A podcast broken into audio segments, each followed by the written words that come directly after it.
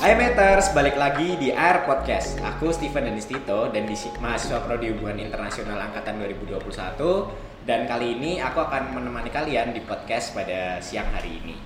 Nah, tentunya aku di sini ditemenin sama uh, Mas Arya dan Mas Yudi. Uh, mungkin Mas Arya dulu belum perkenalkan diri. Um, ya, halo, selamat siang semuanya. Uh, kenalin namaku Arya Dharma, mahasiswa di Hubungan Internasional angkatan 2019. Di sini diundang sama Himaters buat uh, bantu-bantu deh isi podcastnya Air Podcast ya, Air Iya. Podcast.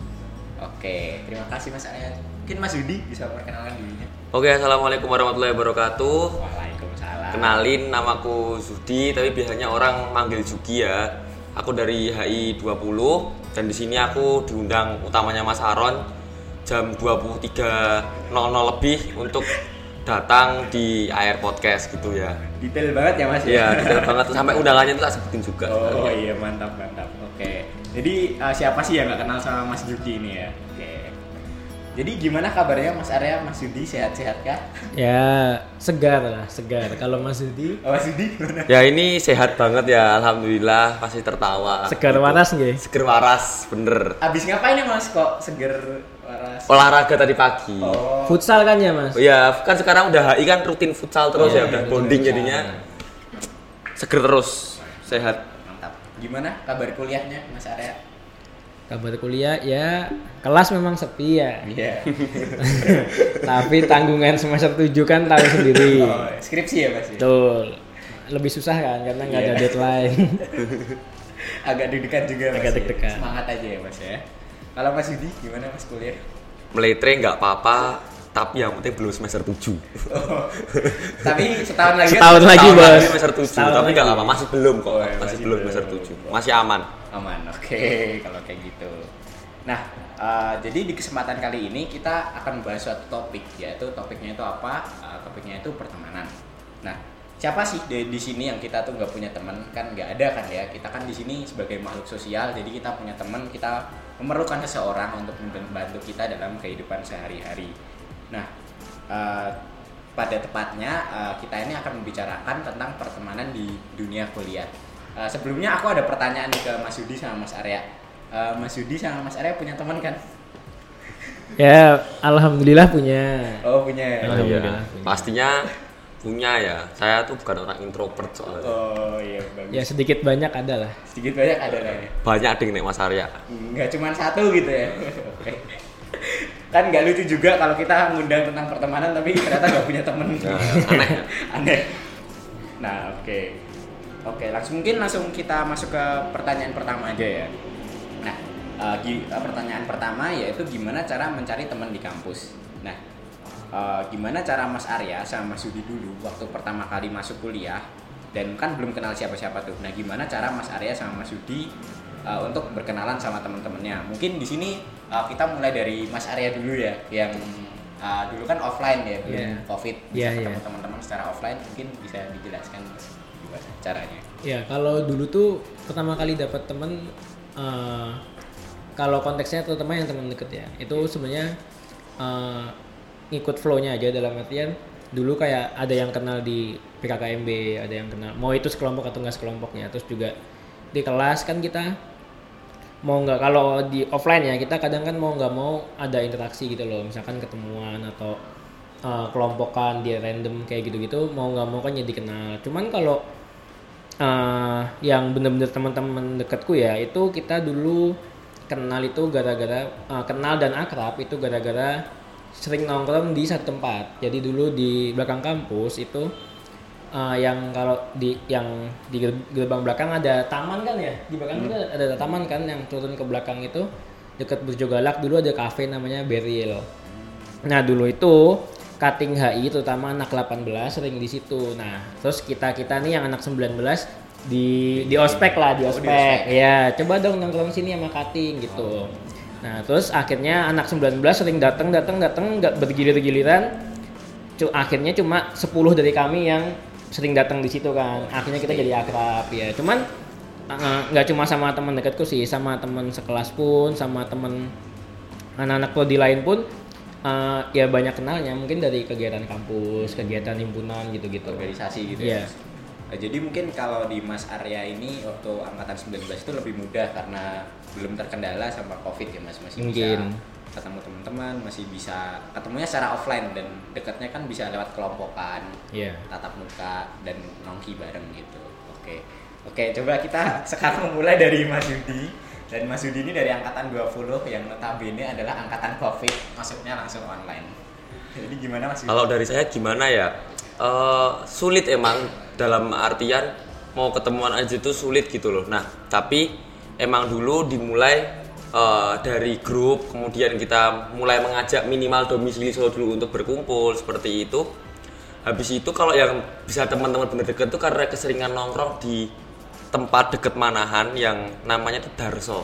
Oh, dan Ah, Darso itu adalah tempat kami dulu semasa SMA itu bolos. Ternyata kami udah sering ketemuan di situ, cuman kalian belum kenal. Oh. Dikenalkan di HI UNS dan akhirnya ternyata tempat nongkrongnya sama. Nah, itu yang membuat kami eh, beberapa teman ini benar-benar yang deket banget kalau kayak gitu.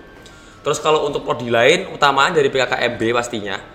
Selain dari PKKMB, dari UKM-UKM yang eh, lingkupnya lingkup fisip. Misalkan kalau dari aku kan ya di KMF berarti emang itu yang membuat aku kenal sama banyak banyak orang di selain prodiku sendiri.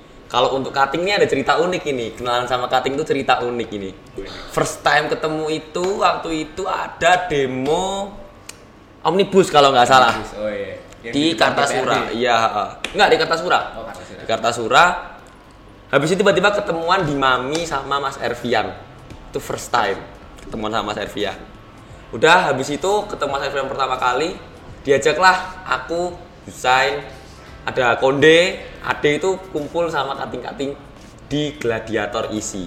Nah, itu barulah eh, kami deket juga dengan kating-kating yang ya udah kayak gini nih contohnya. Ini itu yang menjadi dekat juga salah satu cutting yang dekat juga gitu Mas Anggam dan lain-lain itu ya dari situ. Jadi eh, tidak menjaga jarak antara cutting dan adik tingkatnya gitu. Kalau dari aku gitu sih Bener sih. Eh, kalau di HI ini kayak terkenal banget antara kakak tingkat sama adik tingkat itu bisa akrab gitu, bisa langsung akrab. mungkin gara-gara apa ya? Mungkin kurang tahu ya. Cuman yang jelas di HI ini nggak ada ospek-ospekan. Kalau aku ya dari angkatan 21 perspektif angkatan 21 eh, pertama kali ketemu sama Kating ya diajakin sama Zudi itu yuk ke visip eh, ya udah main ke visip ketemu bareng sama kating-kating ya itu mungkin spesialnya dari HI ya bisa dekat sama antar lintas angkatan dan mungkin sekarang HI yang ada di HI angkatan 19, 20 sama 21 itu masih sering main bareng juga. Oh, dua-dua juga ya sekarang. Oh, kita udah punya adik tingkat. Dua. ternyata dia udah angkatan keempat juga udah tua ternyata Iya. ya diam diam diam tua Udah itu dua tahun deh. Covid Iya. masuk udah tua. libur dua minggu skripsi oh iya dua minggu. bener bener. Uh, walaupun maupun offline, online kita tetap bisa punya teman lah ya. jelas Mungkin uh, langsung masuk ke pertanyaan kedua ya. Nah, bagaimana cara menyesuaikan dengan banyak karakter- karakteristik orang di lingkungan kampus dengan frekuensi yang kita punya. Nah, tentunya dalam kita berteman ini kan pasti mempunyai rasa cenderung untuk uh, lebih cocok ke satu orang atau satu tongkrongan atau mungkin satu sekelompok orang gitu ya atau circle lah. Nah, pastinya udah tahu kan circle itu apa. Jadi circle itu adalah sejumlah teman dekat yang biasanya melakukan sesuatu bersama-sama sebagai sebuah kelompok. Nah, gimana cara Mas Yudi dan Mas Arya menyesuaikan diri dengan banyak karakteristik karakteristik orang yang ada di sekitar Mas Yudi dan Mas Arya ini? jadi dulu Aku mungkin dulu. gantian Oke, kalau dari aku sih pertama pastinya kita kan nggak pernah tahu ya kalau baru kenalan mungkin kita belum tahu karakteristiknya kayak gimana. Nah kita mulai tahu itu setelah kita eh, sering nongkrong sih. Kan itu baru kita mulai mengetahui sifatnya. Habis itu baru mulai mengetahui oh dia yang sukanya apa sih? Dia yang nggak suka apa sih? Itu kan setelah kita sekian kali untuk nongkrong ya. Nah untuk eh, mengatasi itu kalau dari aku sih kita sama-sama maklumi. Kita banyak bercanda banyak apa. Kalau emang itu nggak suka ya diomongin aja. Kalau emang suka dan emang itu masih ada kebercandaan ya udah. Oh bercandaan ya udah. Kita saling memaklumi sih kalau aku utamanya gitu Jadi belak-belakan aja gitu. belak belakan aja. Oh aku nggak suka kalau kamu bahas ini. Ya udah kita bilang aja daripada nanti kalau nggak bilang itu cenderungnya malah apa ya nanti ganjel ganjel dan ngomong di belakang. Soalnya dari ngomongin di belakang tuh nggak enak juga. Dan itu hal yang bikin pertemanan rusak itu sebetulnya ngomongin di belakang menurutku. Tapi ini bagus juga sih kalau misal kita mengkomunikasikan kalau misal kita nggak suka sama sesuatu. Ya udah kita mending ngomong aja daripada dipendem dan malah jadi beban pikiran sendiri. Terus kita ngomongin dari belakang itu ide yang bagus kalau dari Mas Arya? Eh, kalau dari aku sih buat menyesuaikan karakteristik orang yang baru kenal eh, selama ini kalau ketemu sama orang baru daripada aku capek-capek nyari orang yang cocok eh, buat dijadiin teman biasanya justru lebih eh, ke arah kalau ketemu orang tuh aku menyesuaikan gitu loh. Eh, oh ini orang sukanya apa? Ini orang eh, dia tuh tindak tanduknya gimana preferensinya gimana. Karena kadang kan kita ya kita udah umu- um- udah cukup berumur untuk tahu kan ngelihat orang oh ini orangnya yang emang eh, selengean selengean tuh apa ya yang heboh ya bercandaan. Ini orangnya yang ini orangnya yang diem oh ini orangnya sukanya ini bisa kita kan bisa tahu lah preferensi kayak gitu.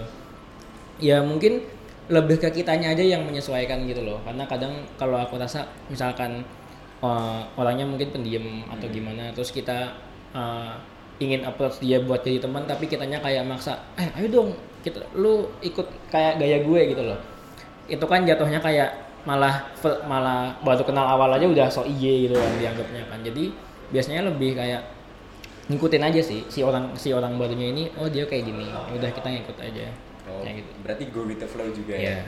Dan pastinya kalau kita uh, mau dekat itu harus yang sefre- sefrekuensi atau Iya. uh, kesamaannya cocok. Mungkin kita cocok di satu hal apa, misalnya tentang olahraga, futsal ya contohnya. Iya, contoh. Nah itu bisa juga. Jadi kita punya circle uh, dengan cara main futsal itu memiliki hobi yang sama. Gitu. Nah Uh, terus aku mau minta tanggapan uh, Mas Yudi sama Mas Arya ini. Ini kan kita ngomongin circle. Nah, tanggapan Mas Arya tentang sama Mas Yudi tentang circle ini gimana? Apakah Mas Arya sama Mas Yudi setuju atau tidak setuju? Gimana? duluan gantian toh tentang circle ya Circle iya. oh uh, setuju atau tidak setuju kan pertanyaannya Iya, kalau setuju atau pendapatnya Mas Arya? Oh, oke, oke. Yang dipikirkan Mas Arya. kalau menurutku sih setuju setuju aja karena hal itu juga normal menurutku Uh, kadang kalau dia ngomongin kadang ya aku ngeliat beberapa opini di media sosial kayak uh, ngapain sih orang? Eh anak kuliahan circle circlean gini gini gini. Kayak menurutku uh, ya itu naif gitu loh menurutku kita semua tetap mau gimana pun punya preferensi buat deket sama teman yang mana punya tem- deket teman yang mana. Uh, kita bisa jadi social butterfly yang berteman dengan semua orang tapi kan kita tetap punya preferensi kan buat lebih deket sama yang siapa. Mungkin uh, hobinya lebih tadi yang dibilang Steven kan hobinya sama atau mungkin apa ya cara menjalani hidup sehari harinya mungkin sama ya kan?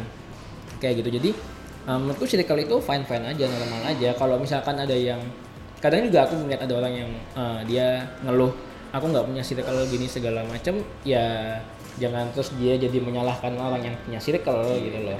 karena ya semua orang semua orang punya caranya masing-masing gitu. Jadi aku kayak gitu.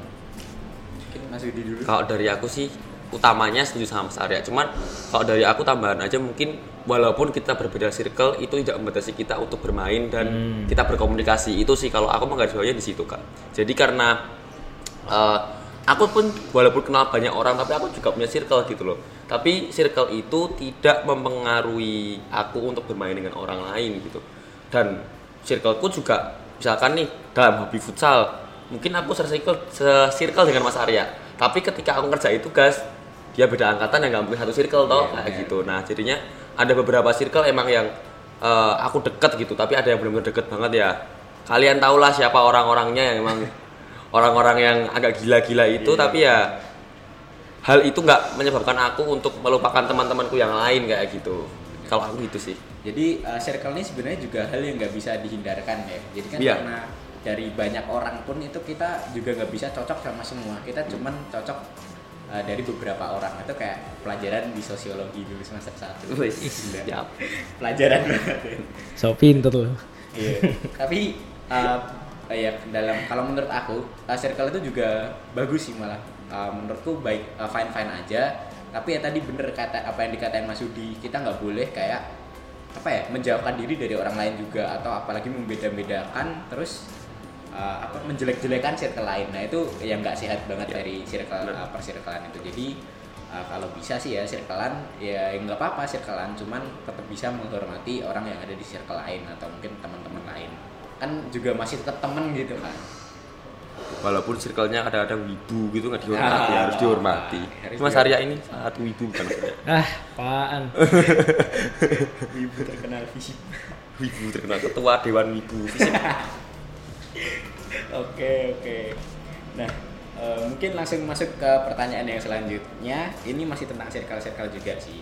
Eh, menurut Mas Sudi dan Mas Arya ini apakah penting bagi kita untuk memiliki satu circle? Dan kalau selama kita kuliah kita tidak memiliki circle itu apakah kita bisa survive?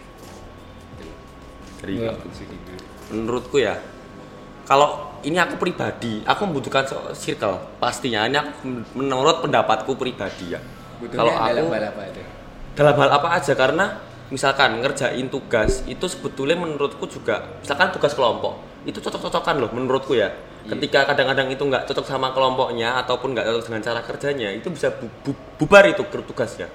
Yakin aku aku soalnya pernah merasakan ketika aku yang deadlineer ketemu orang yang bener-bener kayak apa ya?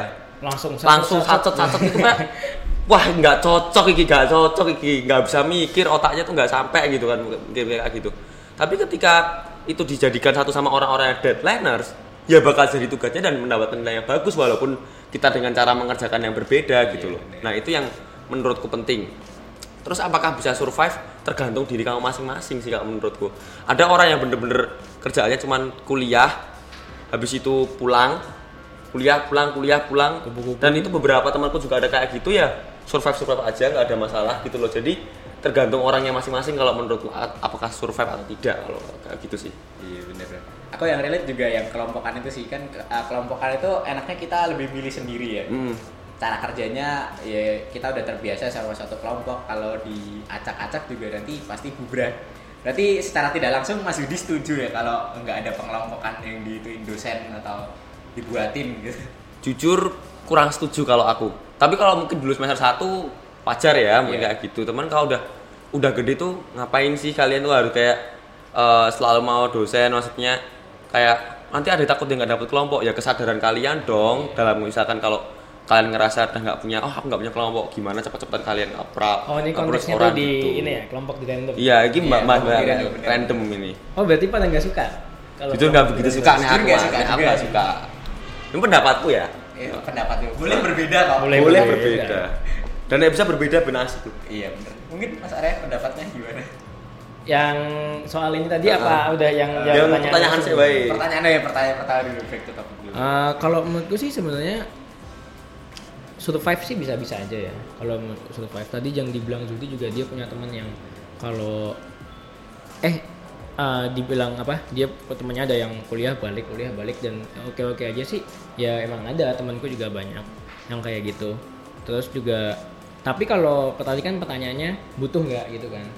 Kalau aku pribadi butuh. Karena Eh, kadang iya aku kok kalau kalau di kalau kalau yang dibahas itu soal eh, kuliahnya maksudnya ini soal akademik gitu eh, kadang nggak selalu sama circle deketku gitu loh. Eh, kadang-kadang sama mereka kadang-kadang enggak kadang-kadang sama yang lain gitu loh. Cuman kadang kan kita kalau misalkan eh, pengen main nih pengen main atau pengen ngapain gitu terus bingung. Aduh ngajak siapa ya? Oh ya udah deh ngajak aja yang teman-teman dekat. Biasanya kan kita tahu nih mereka lagi ngapain. Dan mereka kita tahu nih ke- kesukaannya sama. Jadinya kan biasanya langsung oke. Kalau kita ngajak orang random kan kadang agak susah. Iya. mungkin lebih benefitnya di situ aja sih. Kalau soal kalau buat aku ya di uh, circle dan karena kita juga udah tahu satu sama lain jadi kadang nggak cuma soal kehidupan kuliah pertemanan biasa tapi kadang kehidupan personal Bener. ya, kehidupan personal yang hal-hal yang emang privat kita bisa minta tolong ke mereka bisa bilang ke mereka kayak gitu cuman kalau untuk yang nggak punya dan ini pun ya nggak ada masalah maksudnya semua mungkin mereka juga punya cara lain untuk mengatasi hal-hal itu kan Iya. dengan diri mereka sendiri jadi fine fine aja sebenarnya Berarti fine fine aja ya. fine fine aja sebenarnya Oke. Tadi yang kelompok masalah kelompokan tadi? Iya, ini. Enggak, ini beda. Jadi gini, kalau misalkan ditanyanya lebih lebih senang mana, milih sendiri tuh tetap gimana pun tetap paling enak Iya. milih sendiri. Cuman kalau di random tuh kalau buat aku ya itu juga asik. Mau itu di semester awal atau di semester akhir ya, aku nggak ada masalah sebenarnya. Menantang ya. Sebenarnya kalau random picker tuh? Soalnya tuh kadang kayak aku aku pun kadang kalau cuma sama satu satu kelompok nih. Aku dulu sempat sa- kelompoknya sama terus. Apa ya? Bosen gitu loh. Oh. Bosen kan. Akhirnya aku pernah nyoba satu semester eh, semua matkulku kelompoknya beda semua. semua matkul kelompokku beda semua. Pusing sih.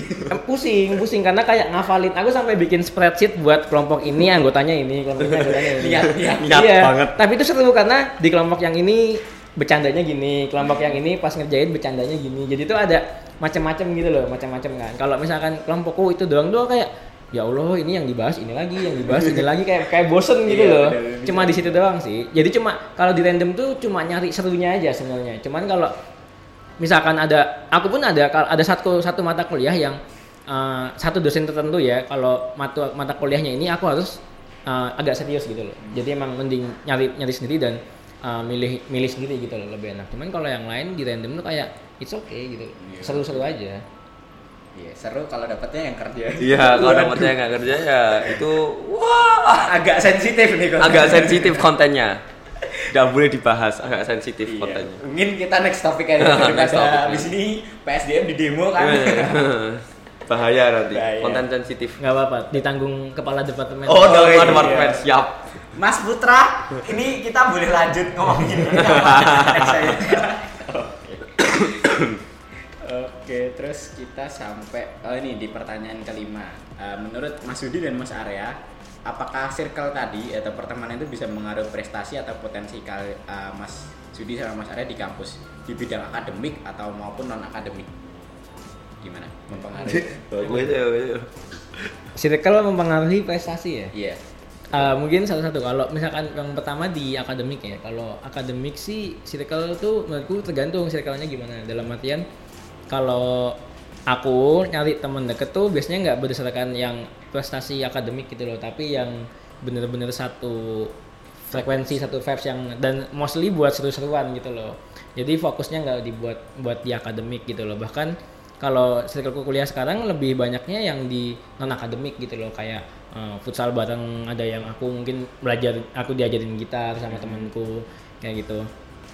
Nah kalau buat jadi nggak nggak preferensi utama aku kalau nyari circle bukan di akademik gitu. Tapi kalau yang prestasi lain tuh mungkin circle tuh nggak harus nggak harus sebenarnya nggak harus dari circle juga sih kalau prestasi kan. Kadang kita bisa juga eh, contoh ini mungkin nggak tahu ya ini prestasi atau bukan. Misalkan kita ditarik jadi ang- mm, orang yang bertanggung jawab di suatu kepanitiaan dan segala macam gitu aku pun pernah jadi eh, semacam ketua divisi gitu loh.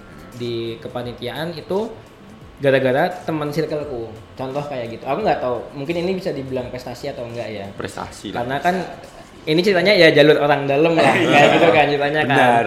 iya jadinya mungkin circle-nya lebih ke arah situ kali ya prestasinya lebih ke arah situ mungkin ya ya kalau dari aku kayak gitu sih Mungkin Sudi. Mungkin Mas Yudi dulu. Kalau dari aku ada pengaruhnya di akademik ya. Karena gini, ketika tidak absen maka ngulang matkul kalau ada empat kali toh. Nah itu yang dimanfaatkan. Ini kan. sensitif ini. Circle-nya adalah untuk titip absen. Itu kan akademik kan. Iya. Untuk kembali prestasi akademik kan pengaruh kalau aku. Karena untuk titip absen dulu itu apalagi kalau titip absen itu menurutku adalah sebuah kepercayaan ya. Kalau nggak percaya tuh nggak mungkin dikasih password OCW itu. Dikasih untuk SSO tuh nggak mungkin gitu kan. Nah, Jangan Itu- keras-keras dong ini sensitif Oh, ini sensitif ya. dosen. kan dulu Oh, OCW, dulu. kalau sekarang kan udah offline kan tanda tangan ya. Ya walaupun itu juga masih terjadi gitu kan ya, tapi eh, titip absen itu pasti ke ini mah akademik ya, pasti ke circle-nya. Udah ada grup tersendiri untuk titip absen gitu ya. Itu bernama Insan Fatoni itu sering gitu. Waduh, sebut Sering nama. gitu. Nah, wahai para dosen, ini bisa dicatat. Sama Aaron Farel itu juga sering tuh absen itu.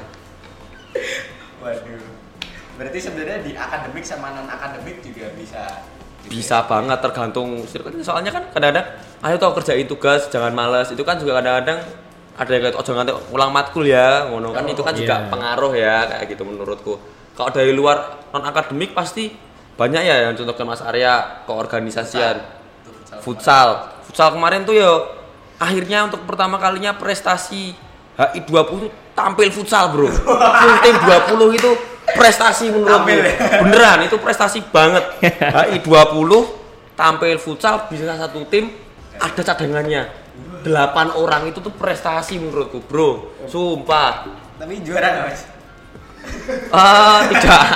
Loh, prestasinya itu dimulai dari yang terkecil dulu. Oh, ya, Setidaknya ya. kumpul dulu loh. Ada bermain dulu. Menang kagak cedera doang. Carry ya. Menang tuh urusan belakangan yang udah kumpul dulu udah prestasi. Dengerin kemarin futsal eh, sininya juga. Iya, itu namanya pengorbanan. Oh, iya. Dalam sebuah circle itu masih perlu pengorbanan. Salah satunya cedera futsal. Contohnya adalah tangannya retak. Eh. bisa bisa. Oke, berarti eh, di circle ini kita bisa untuk menopang bidang akademik sama non akademik juga.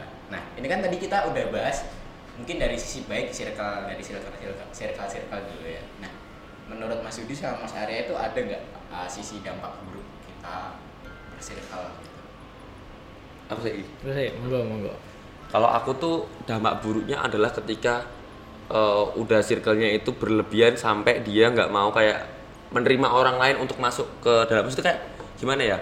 Ya udah oke mereka satu circle tapi kadang-kadang kalau sama yang lain jadi nggak enak, Tidak membuka diri. tidak membuka diri. Nah itu yang menurutku eh, bikin jelek karena dianggap kayak dia tuh kayak nggak mau berteman sama pilih-pilih teman banget. Itu menurutku yang apa namanya jadi buruk ya menurutku. Jadi jelek itu di situ efek jeleknya di situ. Jadi kayak malah jadi kelihatan pilih-pilih teman bukan circle untuk ya udah circle-nya sebagai cuman kayak kalau mas tadi bilang kan kayak cuman sekedar vibes ya vibes-nya enak yang penting gitu kan. Tapi kalau udah pilih-pilih teman jatuhnya kayak gitu itu nggak cuman vibes aja tapi kayak udah pengen eksklusif sendiri gitu loh. Kalau aku sih gitu ya itu mungkin utamanya. Tapi kalau yang perintilan perintilan tuh banyak cuman utamanya emang dari situ dulu sih kalau aku. Dan itu mungkin menimbulkan perpecahan di antara ya teman-teman. Pasti Oke. Mas Arya? Mungkin kurang lebih eh, aku mungkin ada dua poin. Yang pertama mungkin kurang lebih mirip sama Zudi.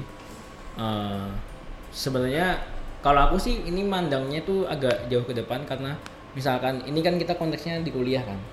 Misalkan kita di kuliah mungkin terlalu nyaman eh, cuma di situ doang. Takutnya kalau misalkan kita udah keluar terus harus jebret kita misalkan udah kerja terus kita di tiap proyek eh, misalkan ya harus gonta ganti personel gonta ganti personel eh, membiasakan diri aja sih. Kalau aku biar jatuhnya membiasakan diri aja sih. Terus yang kedua eh, itu takut eh, kalau aku gini kalau misalkan circle-nya oke circle kita semua teman yang satu frekuensi dan lain-lain tapi kadang jatuhnya jadi kayak ketergantungan gitu loh dalam artian oh ya. um, bisa aja yang sebenarnya temannya tuh uh, gimana ya kalau seru-seruan konteksnya tuh kan nggak harus selalu hal yang positif. Bukan bukan bukan positif dalam artian mungkin kriminal ya. Ya? bukan bukan bukan positif kriminal ya tapi dalam artian gini misalkan kitanya lagi butuh mau ngerjain skripsi contoh. Misalkan kalian nanti udah di semester tua.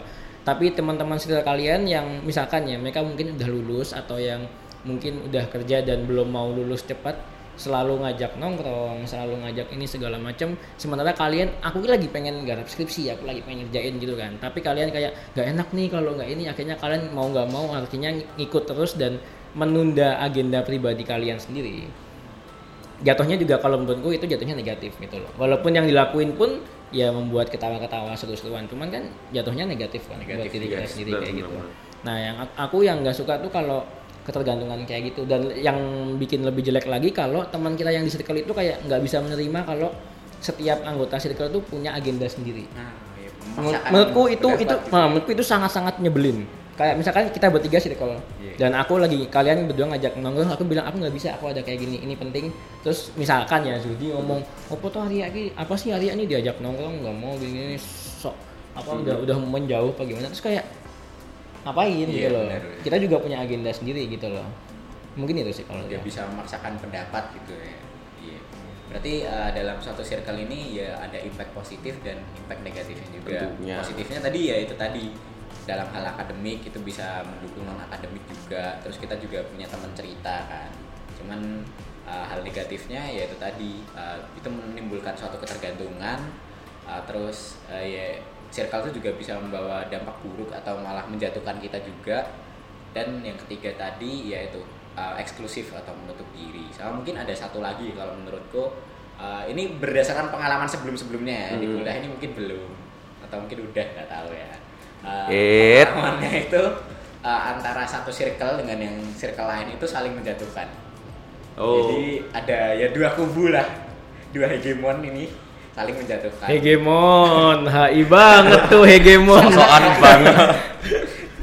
Jadi ya antara satu circle dengan yang circle ini ya walaupun kalau ketemu baik-baik aja, fine-fine aja, tapi di belakangnya tetap ngomongin, ngejatuhin di depan guru, ngejelek-jelekin yang ini ngejelek-jelekin yang ini, yang itu ngejelek-jelekin yang ini. Nggak apa-apa kalau itu mah perang dingin. ya, Oh, perang ini. dingin. Nggak apa-apa. Cold War. Kita nggak usah perang terbuka di belakang aja. Cold War Mas? it's okay.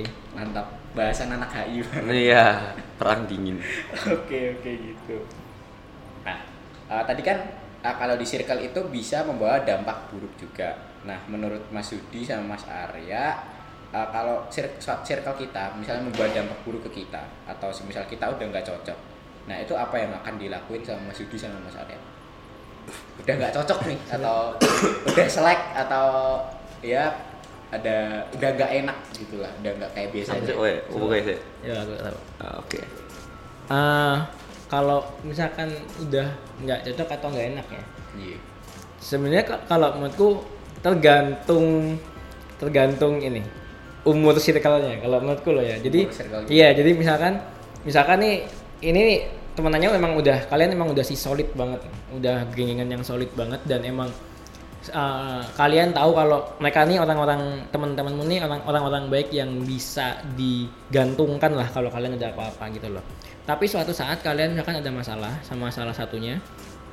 Kalau menurutku tuh eh, gimana ya? Ya ego masing-masing aja sih diturunin dalam artian jangan sampai eh, selek yang bener-bener ngerusak circle itu jangan sampai lah kayak gitu kalau bisa. Tapi kalau misalkan emang kepepet ya kita sama satu orang ada yang wah emang udah masalahnya nggak bisa diselesain dan emang pengen memutus pertemanan ah, kalau menurutku sih sama lagi. Jangan yang intinya jangan sampai mempengaruhi yang lain. Kalau menurutku jangan sampai mempengaruhi yang lain. Misalkan eh, bisa aja kalau emang yang circle-nya mau nongkrong sama kamu yang itu nggak mau ikut ya udah. Tetap, tetap kalian nongkrong. Tapi kalau si circle-nya ngajak dia kamu nggak mau ikut ya udah. Jangan sampai jangan sampai bikin acara mau nongkrong itu jadi batal Oh. gara-gara seleknya kalian gitu loh. Dan kalau emang udah nggak cocok sama satu orang ya selesain aja sendiri pribadi cara kalian gimana. Mau berantem pukul-pukulan pukul-pukulan. Kalau mau diselesain baik-baik ya udah baik-baik. Nggak mau kontakan lagi di blok udah di blok gitu loh. Cara masing-masing aja. Maksudnya kita kan mau nentuin kan nggak bisa juga kan.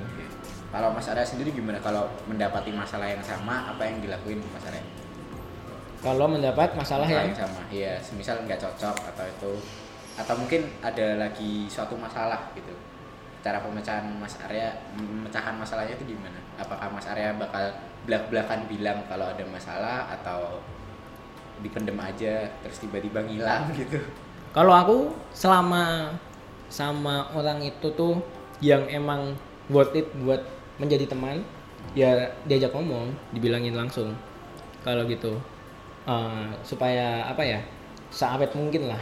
Kalau emang orangnya tuh it gitu loh, maksudnya oke ada masalah, tapi biasanya kalau emang udah bener-bener sohib ya udah bener-bener bestie lah ya. Kalau sebutnya sekarang ya apa pun masalahnya kita nyoba nyelesain aja bareng-bareng kayak gitu. Lah jadi langsung aja diomongin mau di chat atau ditemuin langsung. Enakan temuin langsung sih sebenarnya karena kan ada emosi dan segala macam gitu.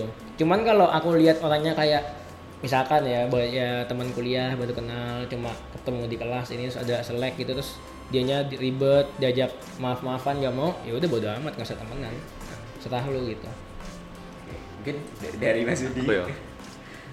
Dalam kehidupan ini itu terutama dalam kehidupan sosial rasa lu tinggi banget pastinya kita akan menemui orang-orang yang berbeda itu akan menimbulkan suatu eh, kalau kata Pak Radisi resisten ya kayak penolakan gitu kayak kayak gitu ya. Pemberontakan lah seperti itu. Nah dari situ kalau menurutku ap- apa yang dikatakan Mas Arya itu emang ada benernya. Circle itu tergantung biaya tergantung umurnya. Kalau yang emang udah bener-bener lama dan kayak kita ada satu yang senasib sepenanggungan gitu itu biayanya bakal awet dan kayak eh, apa ya ketika ada masalah selesain gambar-gambaran selesai tempat selesai tempat. Habis itu udah tidak pernah membahas masalah ada sama lagi.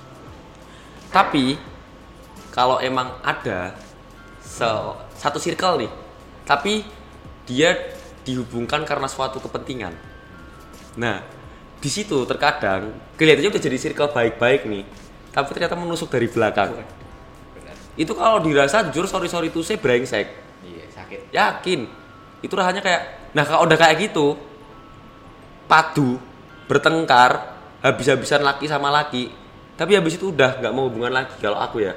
Ketika udah masalahnya pengkhianatan itu nggak bisa diampuni kalau menurutku.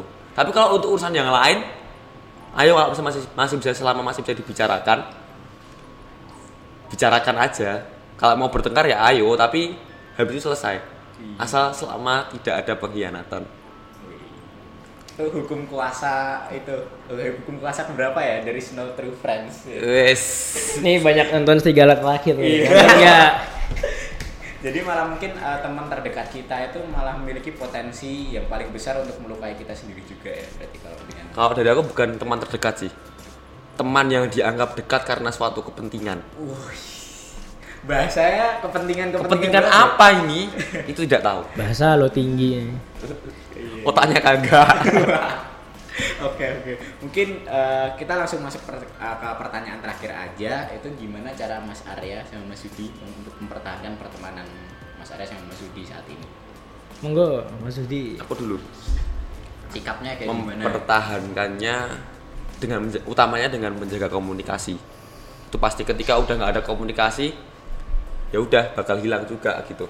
Tapi ketika ada komunikasi terus, apa pun kayak sekedar untuk membalas cerita sama mengirim reels IG itu yang kadang-kadang itu nggak mutu itu menurutku udah kayak ya ini yang kadang-kadang bikin orang-orang jadi koplak tuh ya ini gitu loh. Seberapa bondingnya bisa dilihat dari Ah, ah, situ ya? dari, dari, video nggak situ video vi- semakin banyak video nggak jelas yang kau kirimkan semakin garing anda melawak lah itu semakin kuat itu bondingnya Bener. jadi yang garing-garing gitu tuh kuat ini seperti bondingnya ini bisa bisa. bisa. Boleh, boleh. Boleh. tapi uh, setiap pertemanan itu kan pasti ada resikonya ada keuntungannya dalam kehidupan kan juga pasti kayak gitu ya kalau kamu mau mengambil suatu keuntungan pasti ada resikonya Iya. tapi sebisa mungkin kita untuk minimal re- resikonya kan dalam pertemanan pasti juga seperti itu jadinya uh, berpikir aja lah gimana sih caranya biar resiko-resiko pertemanan ini nggak aku dapatkan resiko-resiko yang merusak pertemanan ini nggak aku dapatkan kayak gitu aja dan itu setiap orang akan berbeda ya mena- menangani orang aku mungkin menangani Mas Arya gimana menjaga pertemanan sama Arya sama Steven akan berbeda nah itu tergantung kita bisa mikirnya tuh gimana aja sih karena kita tahu orang-orang itu berbeda juga gitu close the door Mantap. Langsung. Mas Arya gimana? Monggo. Em, pertama sih sama eh, setuju sama yang dibilang Zudi. Komunikasi eh, apa apalagi zaman sekarang udah gampang kan ya. Tinggal tinggal buka WA tinggal buka IG tinggal DM temen ya kan? Eh, walaupun mungkin kadang bener juga sih yang dibilang Zudi. Aku juga baru kepikiran kadang mungkin dikirim apa nggak jelas video-video nggak jelas kayak gitu reels segala macem. Cuman ya ya udah emang interaksi-interaksi kayak gitu kan. Dan kalau emang walaupun interaksinya nggak mutu gitu sepanjang waktu cuman kadang kalau emang udah teman baik dari lama kita bilang "Eh, coy ini kita butuh bantuan gitu pasti dibantu biasanya kayak kayak gitu. Terus mungkin selain komunikasi juga yang kedua tuh ini sih eh, harus adaptif gitu loh. Adaptif nih dalam banyak hal kalau menurutku.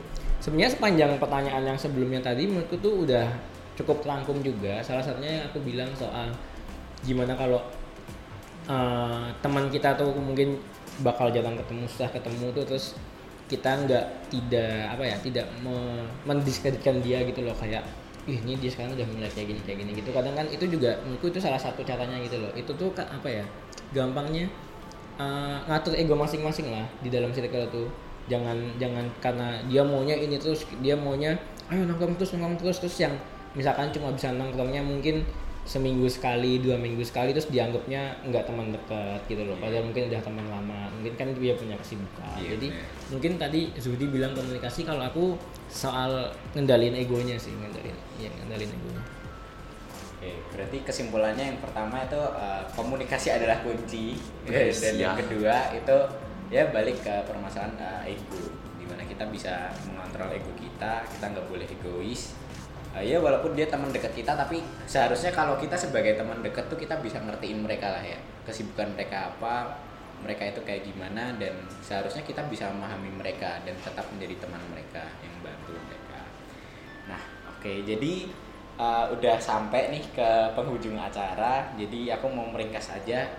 Uh, tadi tuh uh, sebenarnya pertemanan itu juga penting atau tergantung orangnya juga sebenarnya. Kalau tapi dari kita menganggap kalau pertemanan atau circle itu penting karena uh, kita itu bisa bertumbuh dan kita bisa mengimprove diri kita dan mendapat banyak hal dari circle. Contohnya dalam bidang akademik tadi dan non akademik nah uh, tentunya dalam mempertahankan pertemanan yang kita punya itu tadi kita tuh harus uh, menjaga komunikasi kita dan uh, untuk lower our ego gitu nggak boleh egois. Nah, mungkin itu aja. Terima kasih Mas Yudi dan Mas Arya yang Oh, udah sama. Thank you meluangkan juga. waktunya di Air Podcast kali ini.